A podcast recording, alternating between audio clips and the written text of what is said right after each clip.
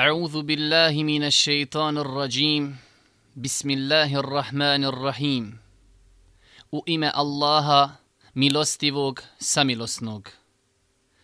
Cijenjeni slušatelji Radio Sane, Assalamu alaikum wa rahmetullahi wa barakatuh. Ovo predavanje posvećeno je ženskoj populaciji, dijelu društva koji je veoma zapostavljen kada je u pitanju vjerska edukacija. Muškarci se po ovom pitanju u mnogome razlikuju od žena. Muškarci svake sedmice prisustuju džumi namazu i na taj način saznaju o svojoj vjeri. Dok je to stvar koja u velikom broju slučajeva zaobilazi žene, iako ženama po islamu nije zabranjeno da dolaze na džumu namaz. Ako na sve to pridodamo da žene brojno sačinjavaju polovinu društva, ako ne i više, a drugu polovinu one ljuljaju u svome naručju, onda je to dodatni motiv da se ženskoj populaciji posvijeti posebna pažnja kada je u pitanju podučavanje i prenošenje propisa vjeri.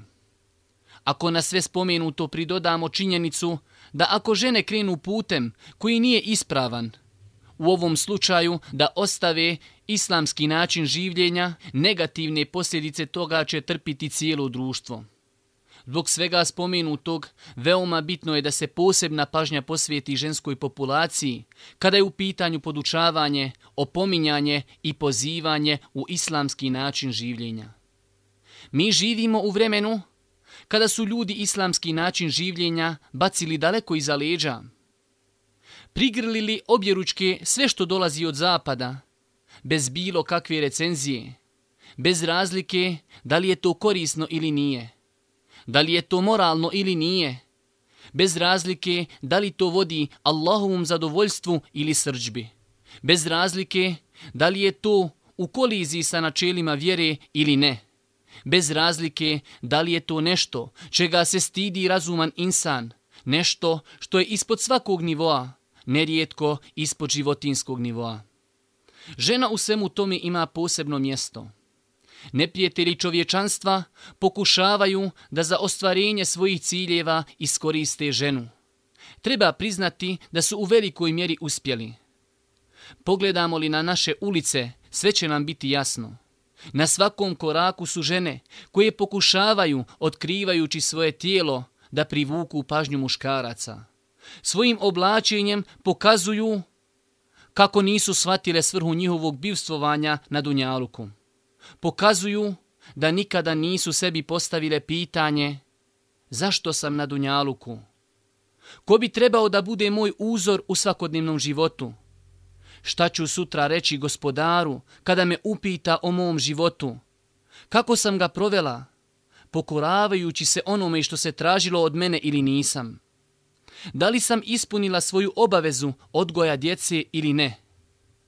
Zato ćemo u ovom druženju spomenuti neka svojstva koja bi pri sebi trebala da ima žena muslimanka i na taj način da postane koristan član ovog društva, a ne neko ko će predstavljati probleme ovom i onako napačenom i neustrojenom društvu. Sva svojstva koja spomenemo su mrtvo slovo na papiru koje ništa ne znači dok se ne pretvori u praktični život. Pošto je mnogo svojstava koja bi žena muslimanka trebala da ima pri sebi ako želi da postane koristan član ovog društva, a na taj način se i pripremi za odlazak sa Dunjaluka, spomenut ova svojstva bez većih pojašnjenja a one koje slušaju trebale bi da se preispitaju da li pri sebi imaju spomenute osobine. Ako ih budu posjedovale, to je veliko dobro u kojem treba nastaviti.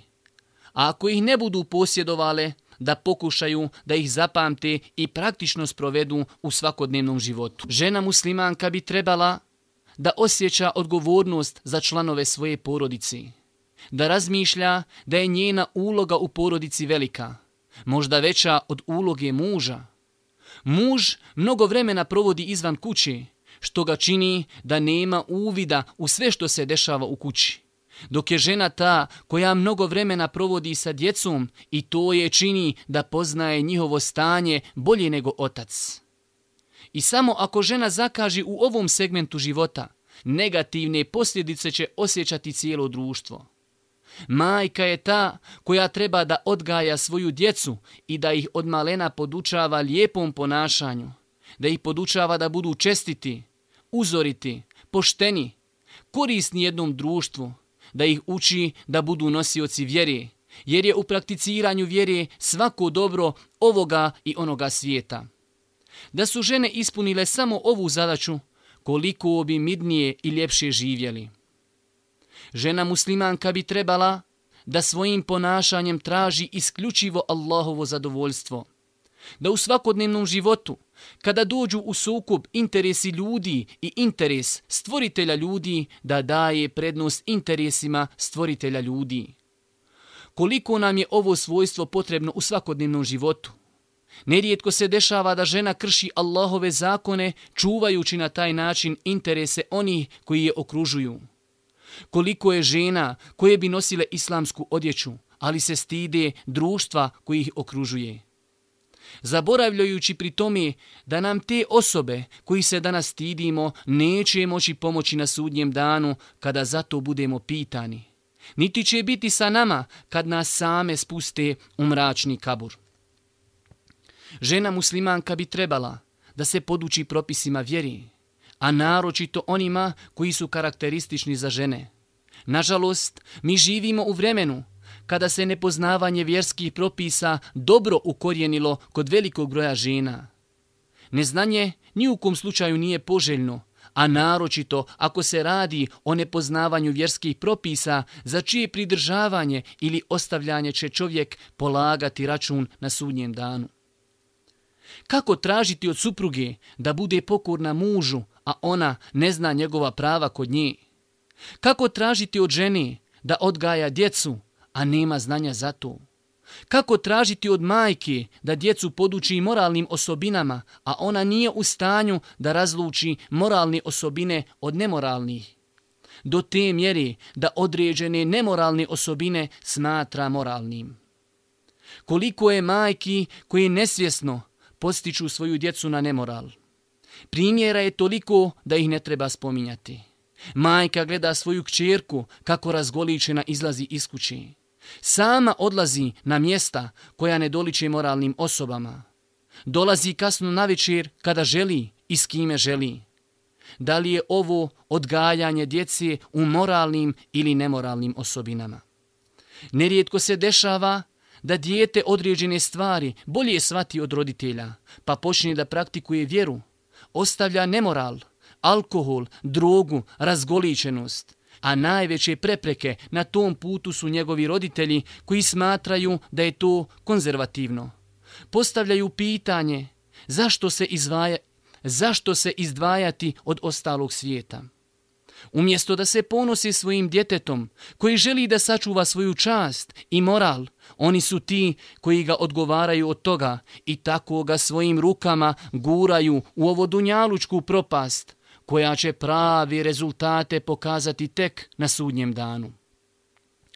Roditelji su svojoj djeci pustili da sami biraju put budućnosti, a kada saznaju da je njihovo dijete konzument droge, začude se ili kada saznaju da je njihova kćerka u drugom stanju, začude se, a nisu svjesni da su oni glavni krivci za to. Dijete ne posjeduje dovoljno mudrosti niti životnog iskustva da bi samo sebi biralo društvo i put kojim će ići kroz budućnost. Već su roditelji ti koji moraju da mu pomognu u tome, a naročito u ovim teškim vremenima. Žena muslimanka bi trebala da sebi traži dobro i čestito društvo. Ono društvo koje će joj pomoći u njenom životu u svakom pogledu. Društvo koje će joj pomoći ako zapadne u duhovnu krizu. Ako primijete da njeno duhovno stanje slabi, oni su ti koji će joj dati bratsku ruku i sačuvati je od pada u duhovni ponor. Društvo koje se potpomaži u pridržavanju za propise i načela ove vjere. Društvo koje poziva moralu, čestitosti, čednosti, poštenju, tome je da čovjek bude korisna čelija ovog društva. Društvo koje će insana podstaknuti na izučavanje vjeri, na prisustvovanje sjelima u kojima se uči o Allahovoj vjeri ili bilo kojem drugom sjelu gdje će insan naučiti nešto korisno, bez razlike da li je to vjerskog ili svjetovnog karaktera. Poznata je izreka u našem narodu u kojoj se kaže s kim si, takav si. Ova izreka ima potporu u hadisima Allahovog poslanika. Kazao je Allahov poslanik alaihi selam, čovjek je na vjeri svog prijatelja, pa neka svako od vas gleda koga će za prijatelja izabrati. Zato čovjek treba da što dalje bude od svih onih koji pozivaju direktno ili indirektno nemoralu i razvratu. Da što dalje bude od društva koje svoje vrijeme provodi u beskorisnim izlascima, sjedenju po kafićima, oni koji ni u kom slučaju ne razmišljaju o stanju društva u kojem se nalazi.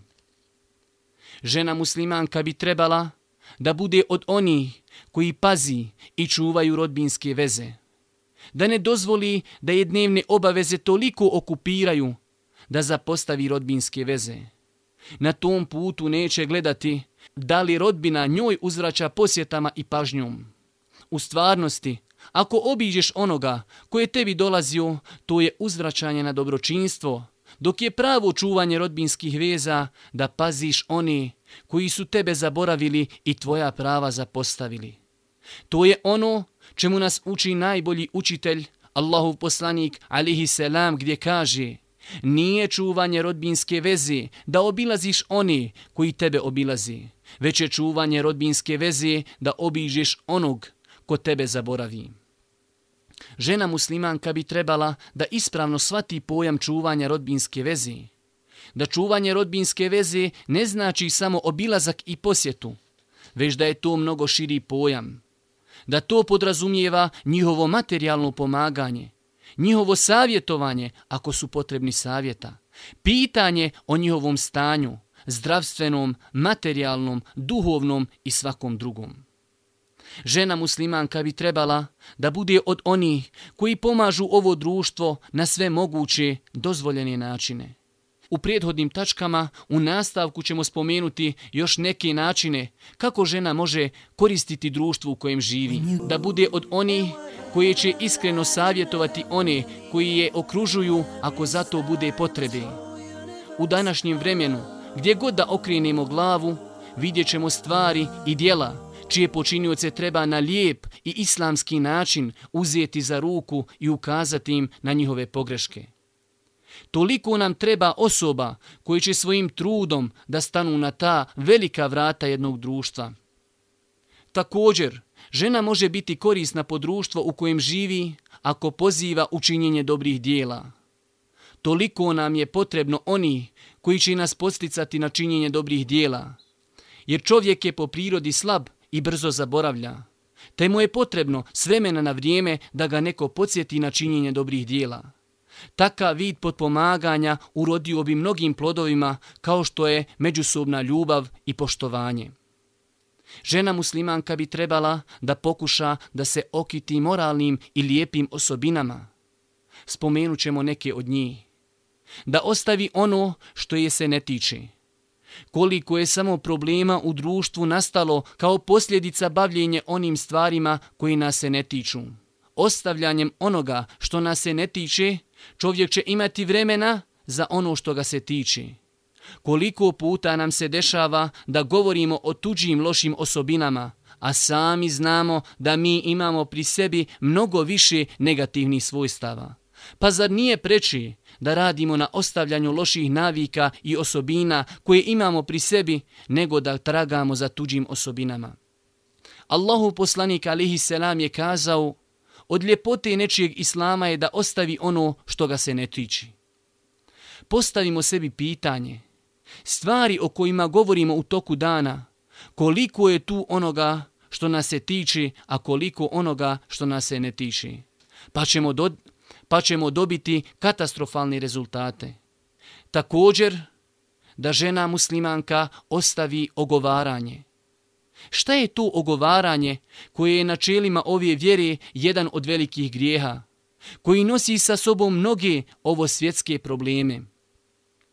Ogovaranje je da spomeneš brata muslimana, u njegovom odsustvu po onome što on ne voli, pa makar to bila istina. Još jednom, ogovaranje je da spomeneš brata muslimana u njegovom odsustvu po onome što on ne voli, pa makar to bila istina. Koliko mi u toku dana spomenemo ljudi u njihovom odsustvu po onome što oni ne bi voljeli da mi govorimo, pa makar to bila istina. Gospodar svjetova, znajući negativne posljedice tog grijeha po ljude, kada opisuje taj grijeh u Kur'anu, kaže i ne uhodite jedni drugi i ne ogovarajte jedni drugi. Zar bi nekom od vas bilo drago da jede meso umrloga brata svoga, a vama je to odvratno? Zato se bojte Allaha, Allah zaista prima pokajanja i samilostanje. Vjernik ne smije da pocijeni bilo koji grijeh, a naročito ako se radi o velikim grijesima. Čovjek se kroz život trudi da učini koje je dobro djelo, tražeći time Allahovo zadovoljstvo, a sve to može lahko da prokocka svojim jezikom. Kao što je na to ukazao Allahu poslanik alihi selam, pitajući jedne prilike ashabe koga oni smatraju bankrot propalim insanom, pa su odgovorili da je bankrot onaj ko nema imetka niti novca. Pa im je kazao Allahov poslanik, bankrot mog ummeta je onaj ko dođe na sudnji dan sa mnogo dobrih dijela, ali je uvrijedio ovoga, potvorio ovoga, udario ovoga, prolio krv ovoga, pa će se uzeti od njegovih dobrih dijela i dati njima pa kada nestane njegovih dobrih dijela, uzeće se od njihovih grijeha i natovariti na njega, pa će biti bačen u vatru. Također, žena muslimanka bi trebala da se okiti svojstvom stida. Stid je svojstvo koje je nekada krasilo muslimanke. Stid je jedan od glavnih faktora nakon vjerovanja koji spriječava muslimanku da čini ono što joj je njen gospodar strogo zabranio. Stid je svojstvo koje bi trebali da usađujemo u srca naše djece od rane mladosti. Bez razlike da li to bila muška ili ženska djeca. A sigurno je da su ženska djeca mnogo više potrebnija ovog svojstva. Pogledamo li u našu djecu, vidjet ćemo da se na sve moguće načine u njima od ranije mladosti ubija i zatiri ovo plemenito svojstvo. Djeca bez imalo stida i ukora gledaju filmove na kojima neće naučiti skoro ništa korisno. A toliko je pokvarenih i nemoralnih stvari koje će oni vidjeti i čuti na filmovima. Do te mjere da se to ne može prebrojati. Djeca od rane mladosti počinju da koriste vulgarne izraze i kada ostare, to su navike koje je veoma teško ostaviti. Djecu od rane mladosti okružuje društvo u kojem vide neprestano kršenje Allahovih granica do te mjere da pomisli da je to normalno. A pridržavanje za načela vjere oni smatraju čudnim. Ako na sve to pridodamo bespotrebne izlaske djeci u grad, u mjesta gdje se može vidjeti mnogo nemorala i razvrata, onda će nam biti kristalno jasno zašto naša djeca kada odrastu nemaju pri sebi stida koji će ih spriječiti od činjenja grijeha. Pogledajmo samo u naše omladince i naše omladinke, u njihov izgled, govor, ponašanje, pa ćemo vidjeti da je stid već odavno izumro u njima. Žena muslimanka bi trebala da svati stvarnost ovo dunjalučkog života i samog dunjaluka da je on bašća u kojoj sijemo, a plodove ćemo ubirati na ahiretu. Da mnogo razmišlja o povratku uzvišenom, da se često sjeti smrti i da s vremena na vrijeme sama sebe samo obračunava. Da ne dozvoli šetanu da je zavede i da ne razmišlja o povratku uzvišenom, već da neprestano razmišlja o smrti, koja je može iznenaditi svakog trena. Šta je to što je uradila i da zbog toga može očekivati milost uzvišenog. Da postavi sebi pitanje da li je od oni koji redovno namaz obavljaju ili nije. A znamo da je poslanik alihi selam kazao ugovor između nas i nevjernika je namaz, pa koga ostavi počinio je nevjerstvo. Da postavi pitanje da li je od onih koje nose islamsku nošnju ili nije. A još kao djeca u Mektebu smo naučili da je ženi strogo zabranjeno da izlazi iz kuće otkrivajući nešto više od lica i šaka. Da li je od oni koje svojom nošnjom i izgledom oponašaju muškarce ili nije? A znamo da je Allahu poslanik alihi selam prokleo one žene koje oponašaju muškarce.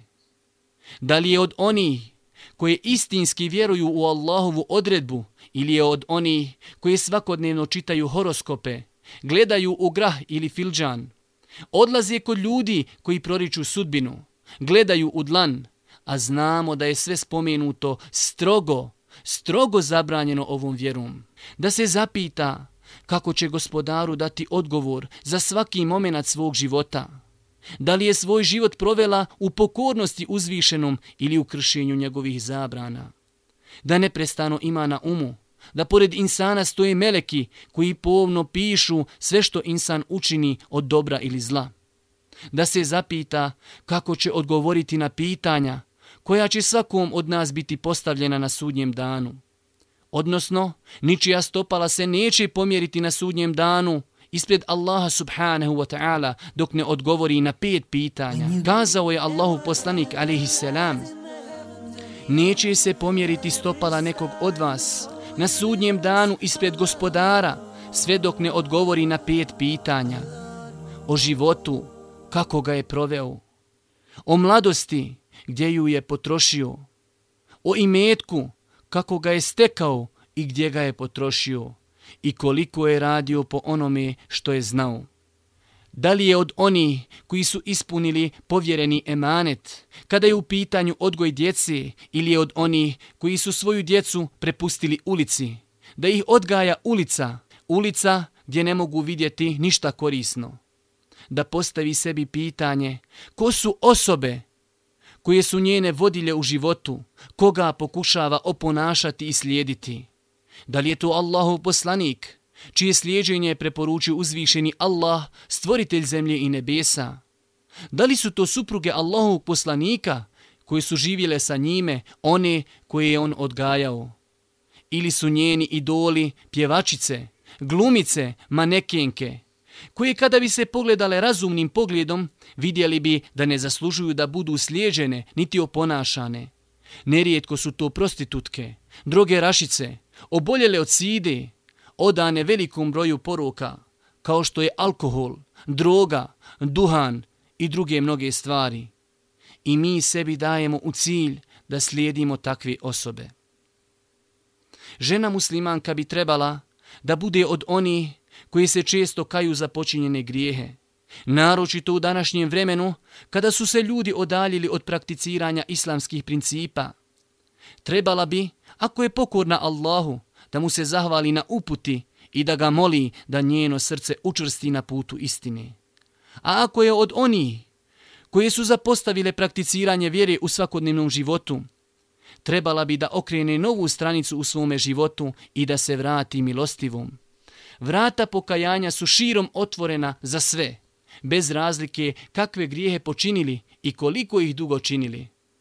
Allah svoje ruke pruža danju da bi primio pokajanja oni koji su griješili noću, a noću pruža ruke da bi primio pokajanja oni koji su griješili danju. Svake noći uzvišeni Allah se spušta na ovo zemaljsko nebo i govori Ima li neko da traži oprosta za grijehe pa da mu oprostim? Ima li neko da traži oprost za grijehe pa da mu oprostim?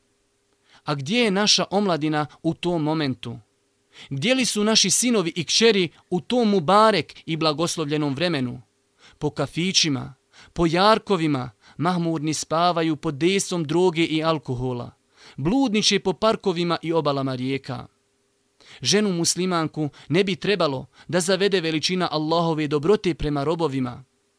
Trebala bi da zna da je njegova milost i dobrota za one koji su bili pokorni i koji su se kajali i da zna također da je njegova kazna bolna i žestoka.